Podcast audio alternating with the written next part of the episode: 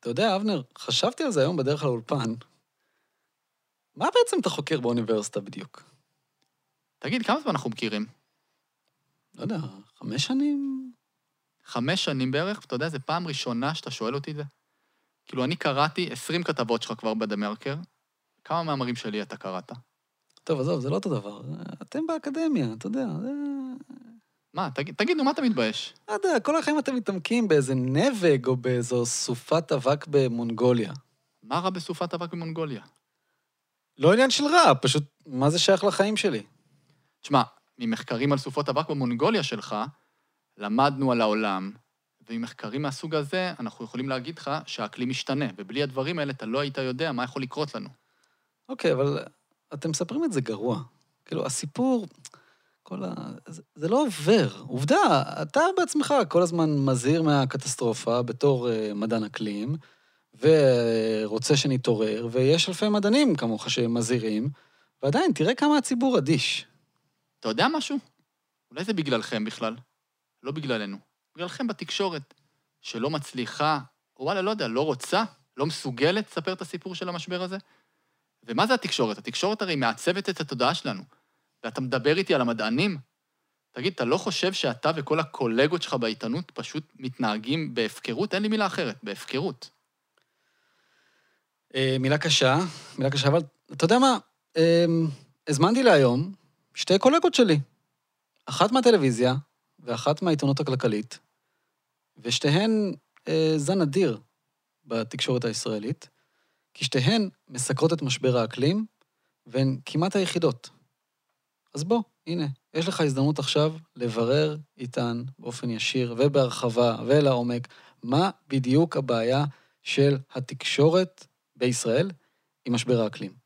עוד פתיחה, ומתחילים. רגע, רגע, רגע. אתה לא רוצה לשמוע מה אני חוקר, אם כבר שאלת? כן, כן, בטח רוצה. בוא, בוא נדבר אחרי הפרק, בסדר?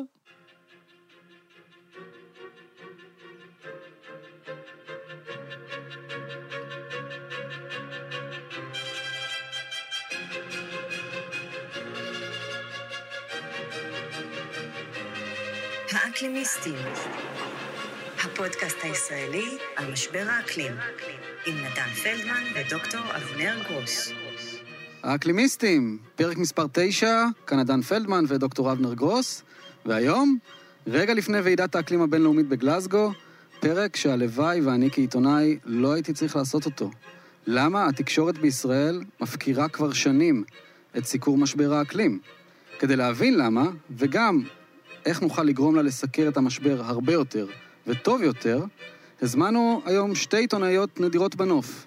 את יפעת גליק מכאן, ואת שני אשכנזי מגלובס. אחת מהטלוויזיה, אחת מהעיתונות הכלכלית. שתיהן זן אדיר בתקשורת הישראלית היום, כי שתיהן מסקרות את משבר האקלים, והן כמעט היחידות. רגע לפני שנצלול לנושא, נזכיר למאזינים, פודקאסט האקלימיסטים הוא מיזם עצמאי שממומן מכיסנו, ולכן אין לנו תשתית הפצה של כלי תקשורת גדול, ולכן העזרה שלכם חשובה במיוחד. ככל שיהיו לנו יותר מאזינים קבועים, נוכל לגדול ולהדהד את השיח על משבר האקלים ליותר אנשים.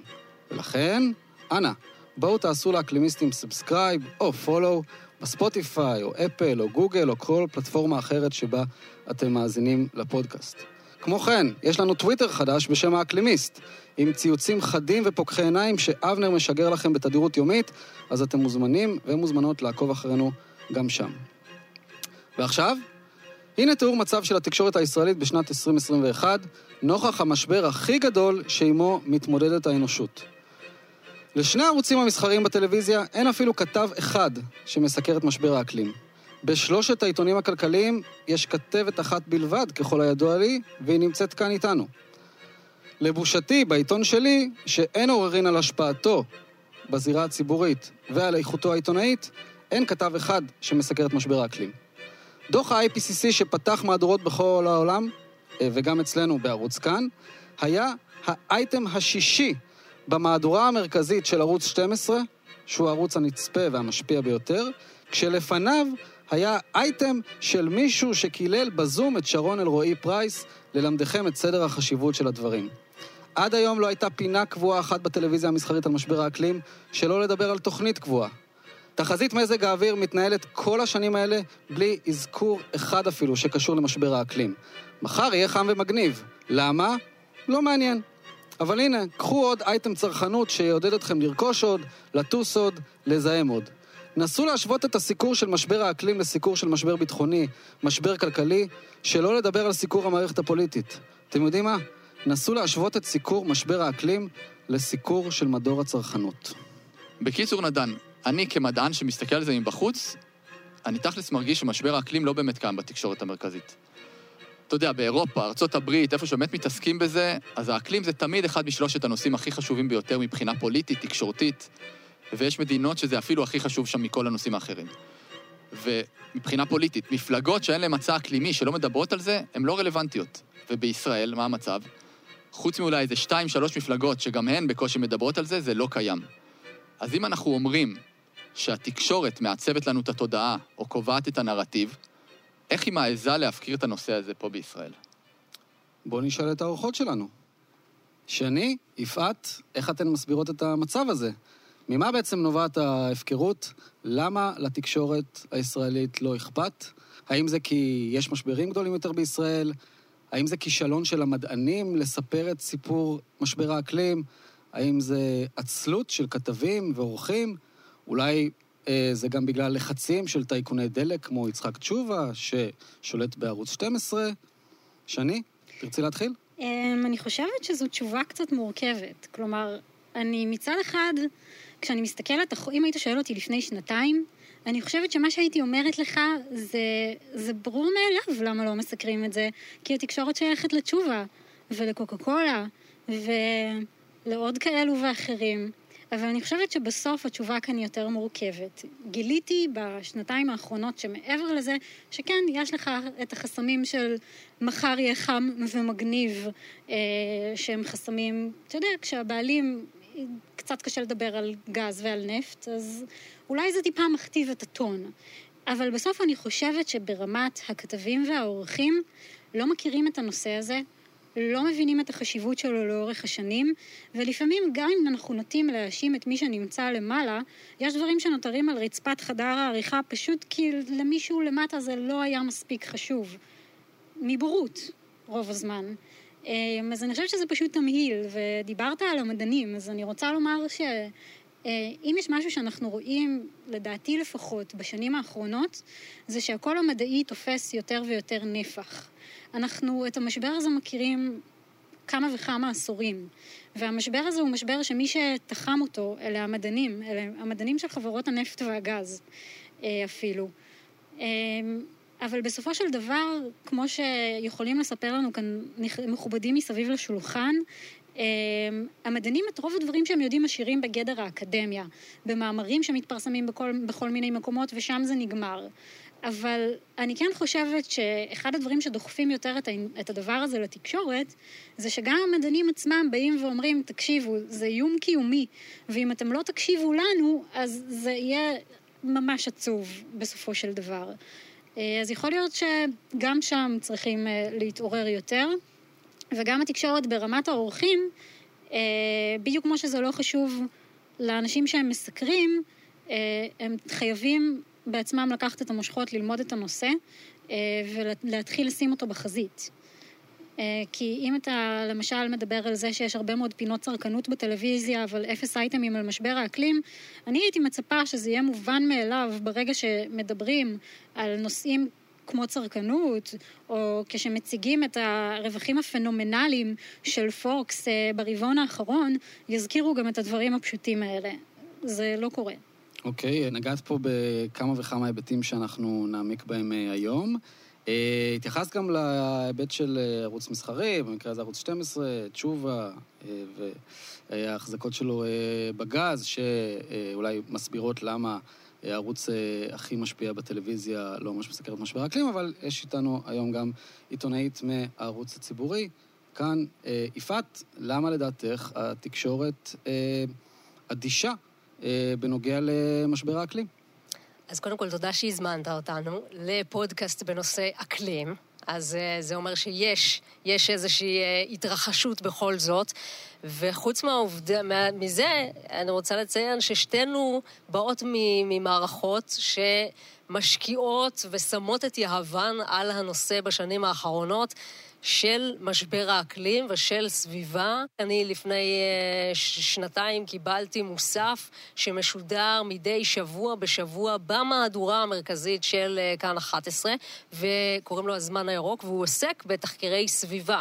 כך שלומר שהתקשורת היא אדישה למצב, אה, יכול להיות שבמקומות אחרים, בהם אני לא עוסקת, אבל כמובן אצלנו זה, זה כן נושא שהוא מאוד מאוד חשוב. אגב, זה נושא מאוד מאוד חשוב שניסינו להנגיש אותו, אה, ואנחנו נוכל לדבר, להרחיב על זה אחר, לאחר מכן, אבל אנחנו בעיקר ניסינו להנגיש אותו ב, ב, בכל דרך אפשרית, שזה גם לצעירים בטורים בדיגיטל, וגם אה, בפודקאסט שנקרא הזמן הירוק, אה, שהוא נלווה למוצרים שלנו במוסף הטלוויזיוני, ואני חושבת שזה באמת... דבר שהוא, שהוא היום מאוד מאוד חשוב לערוץ הציבורי, אה, לא להתעלם ממשבר האקלים. אפילו הייתה לנו פעם אחת שאנחנו ממש פתחנו מהדורה במשבר האקלים, בדוח הזה ש, נכון. שדיברת עליו, נכון. שזה דבר מדהים. אבל אה, בסופו של דבר זה היוצא מן הכלל שמעיד על הכלל, כפי שתיארתי אה, בפתיח. איך את מסבירה את העובדה שבשני הערוצים המסחריים, שאין מה לעשות, כאילו גם הם, אה, הרייטינג שלהם אה, הרבה יותר גבוה בטלוויזיה, אוקיי? זה נכון שלכאן יש נוכחות מאוד חזקה בדיגיטל. את מסבירה שהם פשוט לא נוגעים בזה? אני מניחה שיש בעיות, יש דברים שבעייתי אה, בצורה מסוימת לעסוק בהם, שאצלנו אפשר, אה, ההפך, אנחנו שמים עליהם את, הדגש, ולמשל, אה, אני עוסקת המון בקוקה קולה, בטורים, בטורים בדיגיטל, במוסף, עשינו על זה שני פרקים מיוחדים, ספיישל של קוקה קולה וה, והזיהום שלהם, על, על מים מינרליים אה, והפלסטיקים שלהם, והעובדה שהם לא מתמחזרים וכולי. אה, ואני מניחה ש, שאנחנו אנחנו תקשורת חופשית במובן הזה, אנחנו נטולי... אה, לחצים. לחצים, אנחנו יכולים להתעסק בזה בצורה שהיא מיטבית, מה שאולי אי אפשר לומר על, אה, על ערוצים המס- מסחריים שמתפרנסים מפרסומות של אותם אה, גופים אה, אה, כאלה ואחרים. נכון, ואגב, אה, הזכרת אה, את השידור הציבורי, מיד נמשיך, אבל אני תוהה כמה אייטמים אצל אה, אה, אה, רזי ברקאי, אצל קלמן וליברמן, ותוכניות הבוקר שיש להם שיעורי האזנה מאוד גבוהים, נגיד בשנה, שנתיים האחרונות, אולי גם לפני הקורונה, בכלל התעסקו עם משבר האקלים. שאלה פתוחה. כן, כי אה, אני לא ספרתי, אני לא, אני לא יודעת. לא, אבל אה, אני לא זאת אומרת, יודעת. זה, אני חושב ש... זאת אומרת, אני- רוצה לומר על זה משהו. נוגע במובן מאליו. תשאלי את עצמך כמה פעמים הזמינו את אה, אה, מיקי זוהר לאולפן, ולא נניח אה, אנשים כמו אבנר, או גם אותך או את אה, שני. אני חושבת שתוכניות הבוקר ברדיו באופן כללי הן עוסקות מאוד בפוליטיקה, by definition. אני חושבת שמה שצריך לעשות זה באמת לפנות לאורחים, ולשאול אותם למה כשזאב אלקין היה שר להגנת הסביבה, אנחנו כמעט לא שמענו את קולו בנושאי הגנת הסביבה בתוכניות שלהם. נכון? נכון. וזה חלק אה, מאוד גדול מהדבר הזה, זה, זה, זה כאילו, זה דבר מזין דבר. התוכניות האלה הפכו להיות תוכניות שמה שהן עושות זה לעסוק בפוליטיקאים, אפילו לא בפוליטיקה. אגב, אה, זאב אלקין, אנחנו נגיד, היה לנו מאוד חשוב אה, להביא את הדברים האלה. אני, אני לא מחכה לתוכניות בוקר שיזמינו אותי לפרשן משהו, אני גם לא רואה את עצמי כפרשנית אקלים, אבל, אבל כן, כשרציתי להתעסק בזה, פשוט העליתי את זה בדיגיטל, העליתי אה, טור שלם שסקר את, אה, את אה, פועלו של זאב אלקין בתחום אה, הגנת הסביבה, וגיליתי שהרבה מזה היה חתונות, בר מצוות, או, אה, או חלילה, ניחום אבלים. שזה לא זה עלינו. מדהים, כי כשאני כתבתי שהוא שר, אה, שהוא שר הגנת סביבה במשרה חלקית, קיבלתי איום בתביעה. אוקיי. אני, אה, אני קיבלתי אה, חוסר שיתוף פעולה אחר כך, אז כן. אה, אז כן. כן, אנחנו, אנחנו נדבר באמת על ההיבט של באמת הקשר שלכם מול אה, אה, משרדי הממשלה בכלל, והמשרד להגנת הסביבה אה, בהמשך. אה, אבנר אה, רוצה... עוד ככה- משהו אני רוצה להוסיף כן? בקשר ל- לראיונות ב- ברדיו, למשל. אז אותי הזמינו אה, כמה פעמים לדבר אה, אחרי גלי החום בקנדה וכל מה שהיה בקיץ, ותמיד זה היה כזה בחמש דקות האחרונות של תוכנית הבוקר. השאלות, לא משנה, זה היה כאילו מביך קצת להגיד למה זה הנושא הכי חשוב לחיים של כולנו, שתוקעים אותך כזה בחמש דקות האחרונות, זה היה כזה out of context. ותמיד סוף הראיון נגמר במעין משהו כמו, אה, אז אה, יהיה לנו יותר חם שנלך לים בשנה הבאה, ומשהו כזה לא קשור לגודל הדבר שאני בדיוק דיברתי עליו. אז זה גם עוד משהו שפתאום נזכרתי בו. אני חושבת שאנשים פשוט אוהבים להגיד, אתה יודע, שמתי לב לאיזה משהו מאוד מעניין, אנשים אוהבים לומר, זה חשוב, משבר האקלים זה או. דבר חשוב, גם עיתונאים, כן? הם אומרים, תקשיבו, זה הנושא הכי חשוב, הכי, הכי, הכי חשוב. אבל בפועל, אה, המצב הזה הוא לא, הוא לא תמיד אה, בא לידי ביטוי. אז תגידו, אולי תספרו לנו מהרגע שלכן נפל האסימון בנוגע למשבר האקלים, איך הגעתם אה, להתעסק בזה? אה, אז יפעת, רוצה להתחיל לספר לנו על התהליך שלך? יש לי וידוי, אפשר? אוקיי, בטח, בסדר. תמיד. אתם בסדר עם זה? אה, כן, תראו, כן. עד לי, אבל אתם תהיו קבוצה תומכת, כן? כן. אה, אנחנו ואלפי המאזינים. עד לפני שנתיים לא היה לי קשר, לא, לא התעסקתי אף פעם בנושא סביבה, לא היה לי קשר לזה, וגם ככתבת תחקירים חשבתי שכל דבר הוא בעצם יותר חשוב מזה, כן? חשבתי ששחיתויות ברשויות מקומיות זה יותר חשוב, וחשבתי שפלילים זה יותר חשוב, וחשבתי שהחברה הערבית והפשיעה וה- והתאונות דרכים וכל, ה, וכל הדברים האלה יותר חשובים. ואני אמנם גדלתי ונולדתי וגדלתי בקריית ים, אה, וזה, שזה לא רחוק ממפעלי המפרץ, ואומנם הייתה לי אסתמה ב, ב, בילדות, אבל לא קישרתי את הדברים שאולי יש להם קשר ואולי לא, אה, לזיהום. ולפני אה, שנתיים אה, קורא לי אה, ברוך שי, הוא מנהל חטיבת החדשות אצלנו בכאן 11, והוא אומר לי, תראי, אה, אני רוצה להגדיל את, ה, את הסיקור אה, של אה, משבר האקלים, של הסביבה, ואצלנו בחדשות, ואני רוצה להקדיש לזה אה, מוסף. ומה מה את אומרת? אני כזה מסתכלת, אני אומרת, רגע, מה, מה הקשר? כי זה היה כזה בדקות הראשונות, מה הקשר? מה זה? אני לא, אני גם לא כתבת חדשות, אני לא באה מתוך איזה, זה לא משהו שאני, שאני מתעסקת בו ביום-יום, אני לא מדווחת על חדשות וכאלה.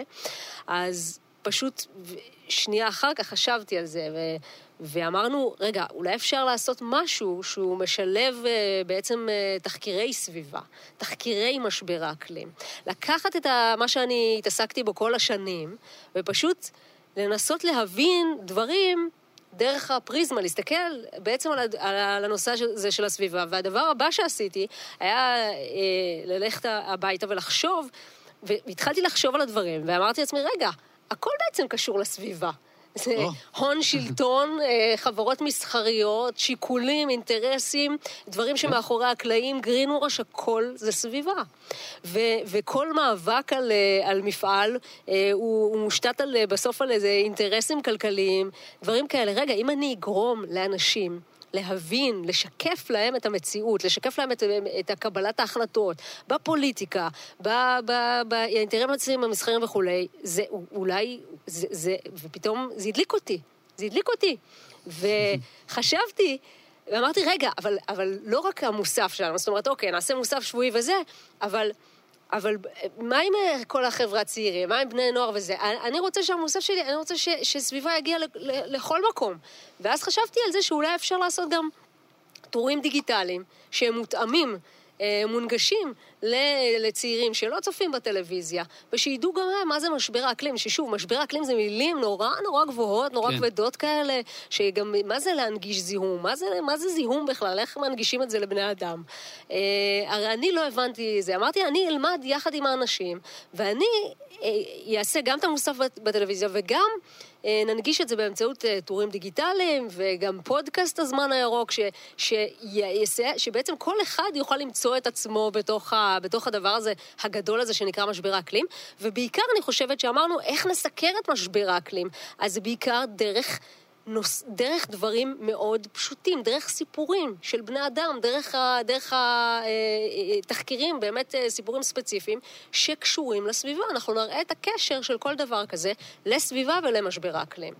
אה, ואני חושבת שזה, שזה הוכיח את עצמו אה, בצורה מסוימת, אה, אה, כי באמת עד לפני שנתיים, סביבה, אני חושבת, נחשב נחשבה למשהו של סוף מהדורה. קייקים בקיבוץ הגושרים, החצבים פורחים בסתיו וציפורים אה, נודדות אה, אה, בשמיים.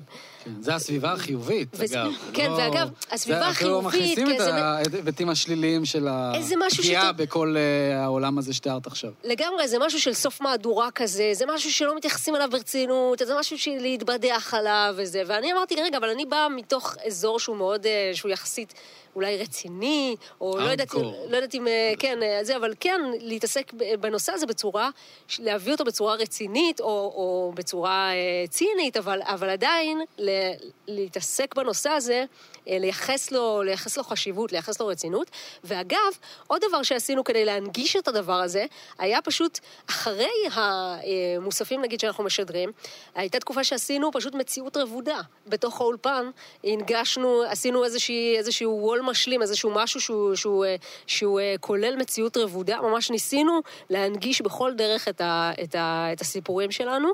והתחלתי לקבל על זה פתאום תגובות ו- ודברים, ו- ו- ו- ו- ו- וראיתי שזה עובד, אנשים מתעניינים, וזה מעניין אנשים ברגע שמורידים להם את זה לקרקע, את, אה, את הנושא הזה של משבר האקלים. כן. שני, מה היה הרגע שלך? נפל האסימון? אז אני לא חושבת שלי נפל האסימון. האסימון שלי הוא סוג של היה שם מאז ילדות. העניין הוא שהוא פשוט נפל לאחרים. אוקיי. אמ, מה מה זה ש- אומר בדיוק? תראה, אמ, אני נורא אוהבת בעלי חיים, כמו, כנראה כמו כולם, אבל בגיל אה, בערך 12 החלטתי שאני לא מעוניינת לאכול אותם יותר, אוקיי. וזה משהו שכנראה, יכול להיות שזה הדבר שהיה הכי מזוהה איתי לאורך, אה, מאז ומתמיד, האהבה שלי לבעלי חיים והדאגה שלי לבעלי חיים. אוקיי. אבל מכאן אה, ו- ועד לסקר נכון, לא. סביבה, קיימות, משבר האקלים, לא- לא- בעיתון לא כלכלי, שום המרחק גדול. כזאת. שום, כן. לא, לא הייתה לי מעולם שאיפה לסקר סביבה בעיתון כלכלי. אבל אה, עם השנים, האהבה שלי לבעלי חיים התרגמה ללהבין שדובי הקוטב הולכים לעזאזל, ומה הקשר של בני האדם לכל זה. זה תמיד נושא שעניין אותי. אה, זה תמיד נושא שעשה לי רע ברמה האישית להבין עד כמה בני האדם מזיקים לכוכב הלכת שלנו, וגם לנו.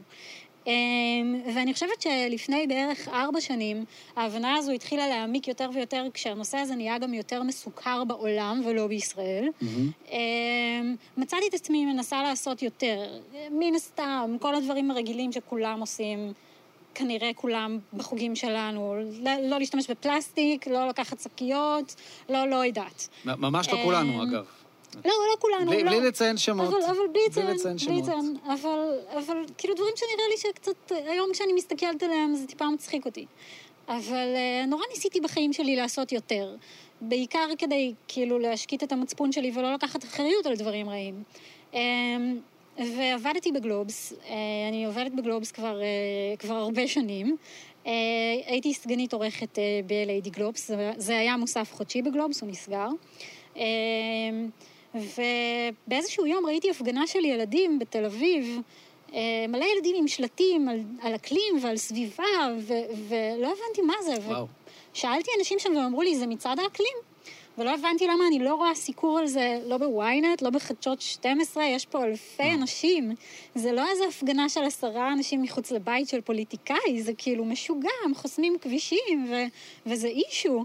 ושאלתי חברים בכלי תקשורת גדולים, והם אמרו לי, "אה, די כבר, תרדי מאיתנו עם השטויות האלה של המחבקי עצים שלך, זה לא מעניין אף אף אחד בציבור. אה, וחלף הזמן. אה, אני, אני כאילו גם חזרתי לעבודה, זה היה יום שישי, וביום ראשון סיפרתי את זה לאנשים וצחקו עליי, כאילו, פשוט צחקו עליי שזה שטות שלא מעניינת אף אחד, ולמה זה כזה big issue שלא סיקרו את זה, זה, זה fucking כלום. אה, הזמן המשיך, אה, ההתעניינות שלי בנושא החמירה. אמ, וכשהייתי סגנית עורכת בליידי גלובס, היה איזשהו חודש שהייתה לנו הזדמנות, ולקחנו כאילו צעד אחד קדימה את העניין הזה, ודיברנו עם אנשים שחיים אה, מה שנקרא אוף דה גריד, שהחיים שלהם הם טיפה יותר סביבתיים, או הרבה יותר סביבתיים. עשינו כל מיני כתבות כזה יותר, אה, יותר על כאילו עד כמה העולם הכלכלי צריך אה, לדעוך טיפה ולהסתכל על דברים אחרת. ובמסגרת הזו הגעתי לקומונה אקולוגית במרכז תל אביב שנקראת עץ בעיר. אה, ומי שהקימה אותה, תמי צורי, אה, פשוט אה, נתנה לי מטאפורית אה, והבנתי שכל מה שאני עושה, ואני חושבת, זה כאילו כל כך תחתית. אני לא עושה מספיק, לא משנה מה אני אעשה, זה אף פעם לא יהיה מספיק. העולם במצב רע מאוד, ישראל, כאילו, אנשים מסביבי, כולם פשוט, פשוט משוגעים. הם, הם לא יודעים, הם לא מבינים. הם, פשוט משוגעים, הם כלומר? פשוט משוגעים, הם כאילו, הם? על טיטניק, הם מנגנים, והדבר הזה כאילו הולך לעזאזל. כל מה שאכפת להם זה רק הם עצמם, אבל גם זה לא מספיק אכפת להם, כי הם עסוקים בלעשות ילדים, ולא להשאיר להם עולם נורמלי לחיות בו, וכאילו כל הכבוד לכם באמת. ו- אבל, אבל מה, כולם אומרים, מה את חושבת שלא כולם אוהבים אוויר נקי וסביבה ודברים, אבל עושים אפס כדי כאילו להביא אותנו לאנשהו. אה, ובאותו חודש אנחנו שמנו את גרטה טונברג על השער. ואני שמעתי שהמולית של העיתון מאוד אהבה את השער הזה. אז אמרתי שעבורי זו הזדמנות מדהימה. אה, וערבתי לה בפינת הקפה, אה, ויום אחד היא הגיעה לפינה הזו שבה ערבתי לה, אה, ונתתי לה הרצאה על דיכאון אקלים. הסיפור אה, של המערב, אגב, הוא סיפור מדהים. זה כי נכון? באמת, כן, כי גם אני ככה הגעתי לתקשורת, כאילו, המערב ככה, באלף. המערב, מערב באלף, כן, אמבוש. אה, אוקיי. מה שמכונה אמבוש, בואו, כן. אה, זה... בסדר, אה, זה שיטה זה עיתונאית. אה. לגמרי, זה, זה, זה, זה אומר שכן, לגמרי. זה, זה, זה הדבר הנכון לעשות. באקדמיה זה לא עובד, אה, מערבים. לא, כן, אצלכם זה ניסית? פחות לא, שאפתני. האמת היא שלא ניסיתי. לא ניסית, נו, יכול אז. הנה, תנסה, עד עכשיו הוא זה- הצליח לא רע גם בלי אה, אמבושים. אוקיי. לך תדע מה יקרה אם תנסה. נכון. אמ, אז ערבתי לאלונה ברון המולית של גלובס בפינת קפה, ואז נתתי לה את הפיץ שלי, על זה שאני חייבת שהיא תעזור לי. ש- ואני צריכה רק שהיא תעשה בשבילי דבר קטן, כי הבנתי שהיא נורא אהבה את השער על גרטה, והיא אמרה לי שזה דבר מדהים, הילדים האלה, ושכבר מזמן היה צריך לכתוב עליהם.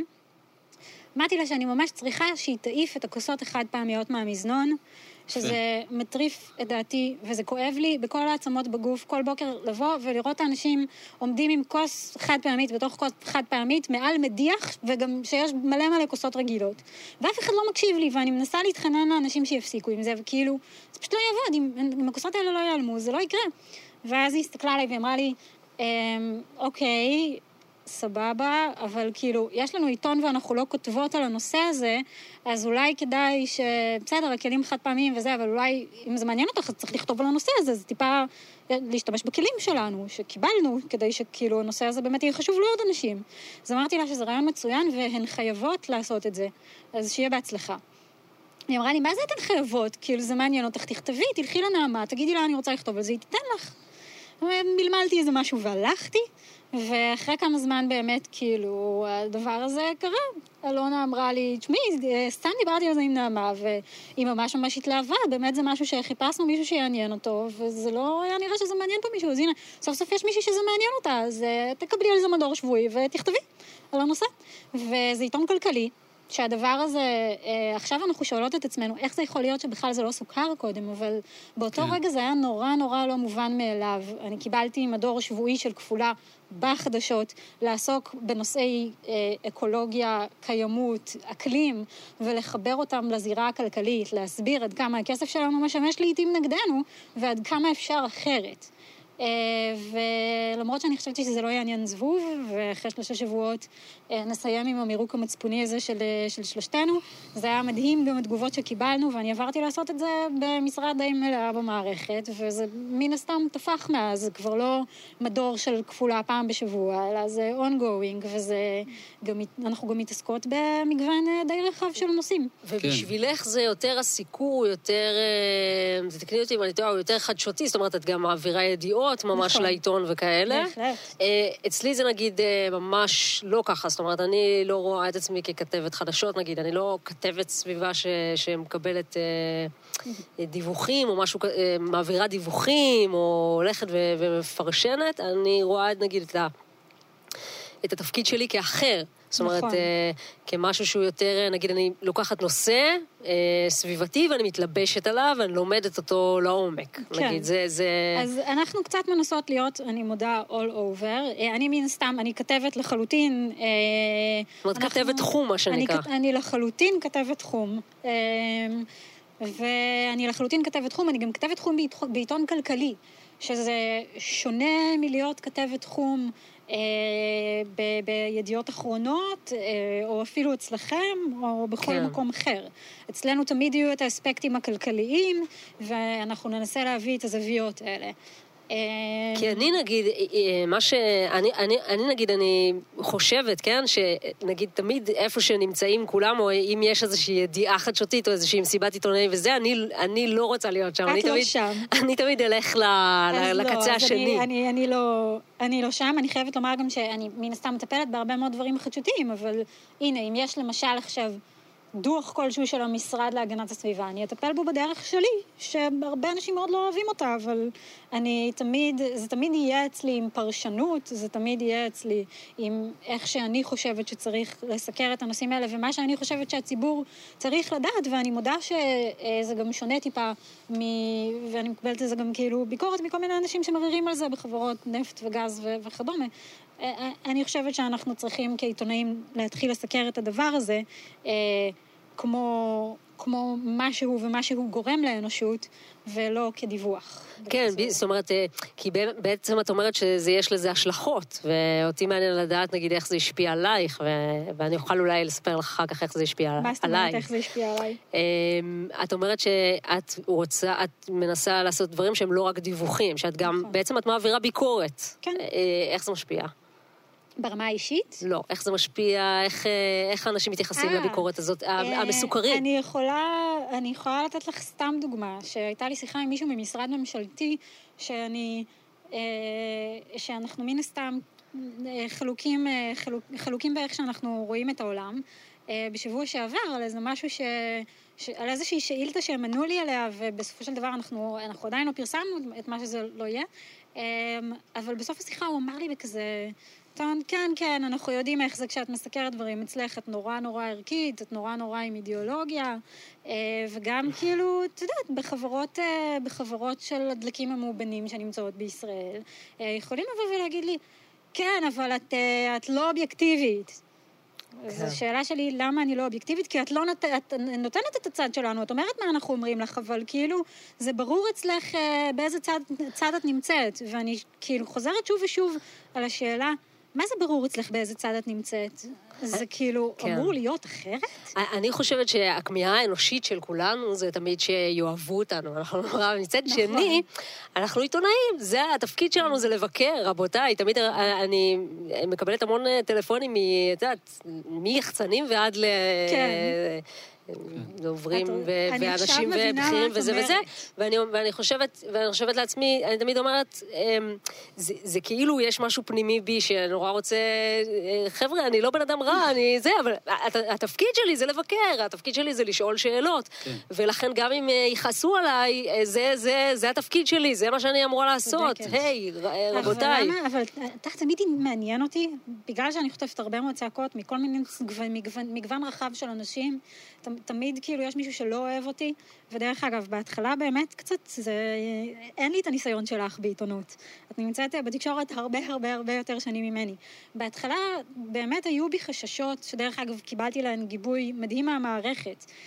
זה, זה ממש חשוב שיש גיבוי מהמערכת, זה כי נכון. בלי, בלי גיבוי מהמערכת לא היינו בדיוק, מצליחות אה, בדיוק. להביא את, ה, אני- את הדברים. אני יכולה להגיד לך שגם כשמתקשרים לצרוח עליי מכל מיני חברות מסחריות, ואני יודעת שהם גם מתקשרים לעורכת שלי, אה, אם היא תגיד לי על איזה משהו, זה לא יהיה, זה רק יהיה כזה, כאילו, באיזה קטע. איזה לחצים בדיוק מפעילים עליכן?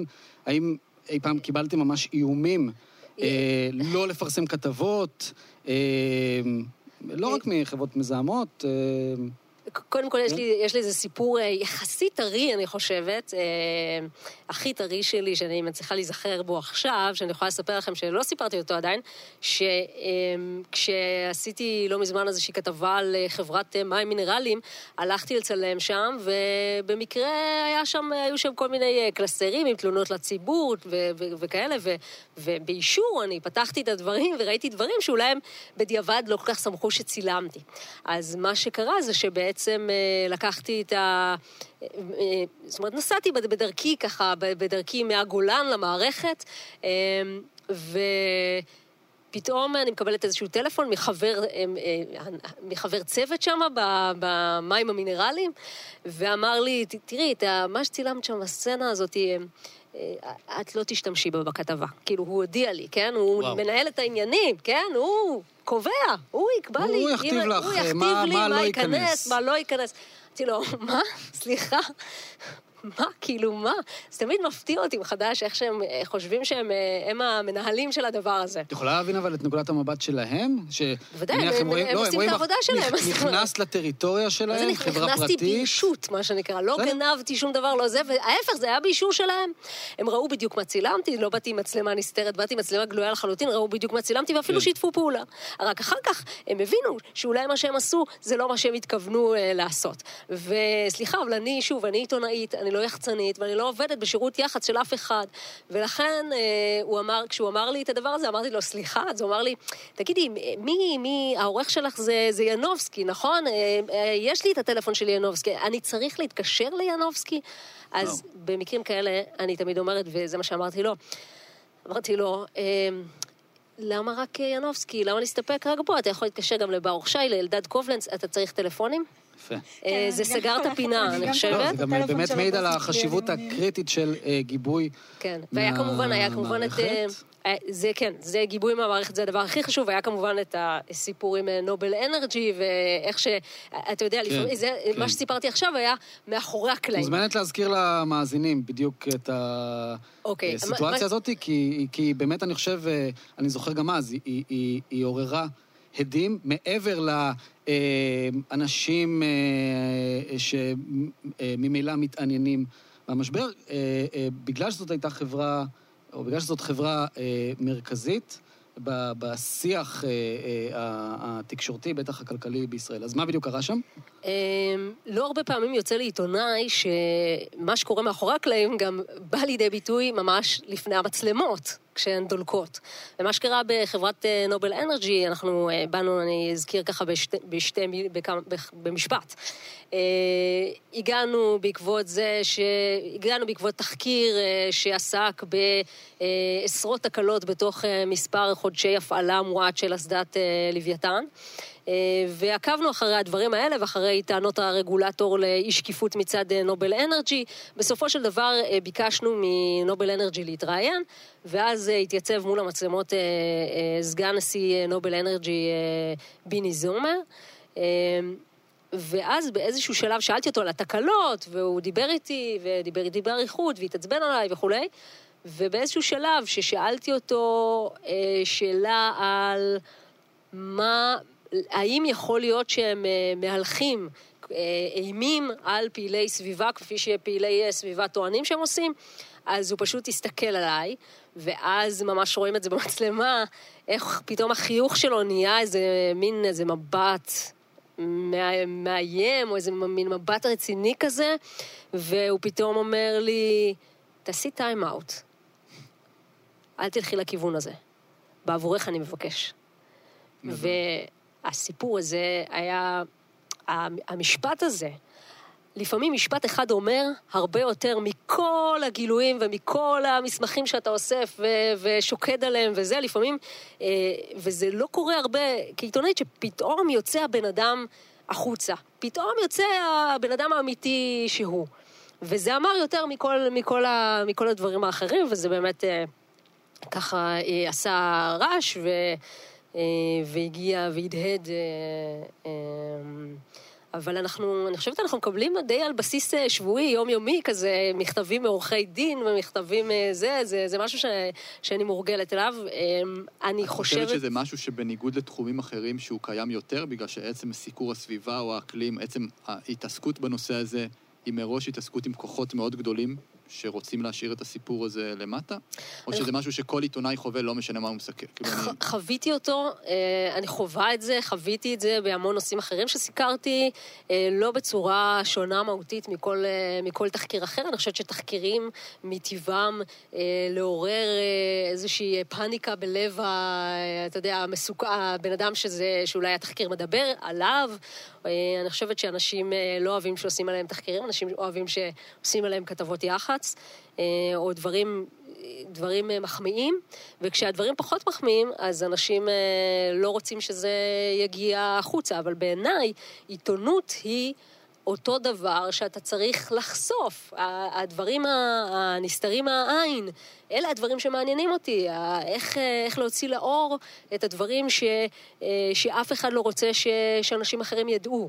לדוגמה, עכשיו, אתמול בדיוק פורסם איזשהו תחקיר שלי על אסבסט ברידינג, על העובדים ברידינג של תחנת הכוח.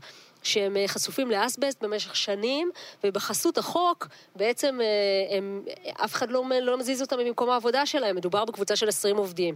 אז אה, במשך חודשים הם התלבטו ושיתפו אותי בהתלבטות שלהם אם להתראיין או לא להתראיין, ו- וככה ברגע האחרון אני יכולה לשתף אותך שהם הבריזו לי, ואז הם בסוף, בסופו של דבר הם הגיעו והתראיינו ובגלוי. הרגע הזה שבו אתה מביא, או אני מצליחה להביא לשידור סיפור כזה, ואנשים ש...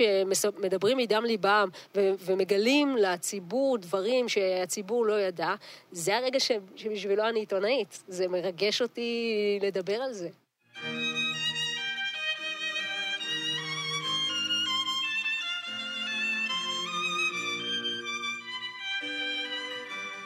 האקלימיסטים, הפודקאסט הישראלי על משבר האקלים, עם נתן פלדמן ודוקטור אבנר גרוס.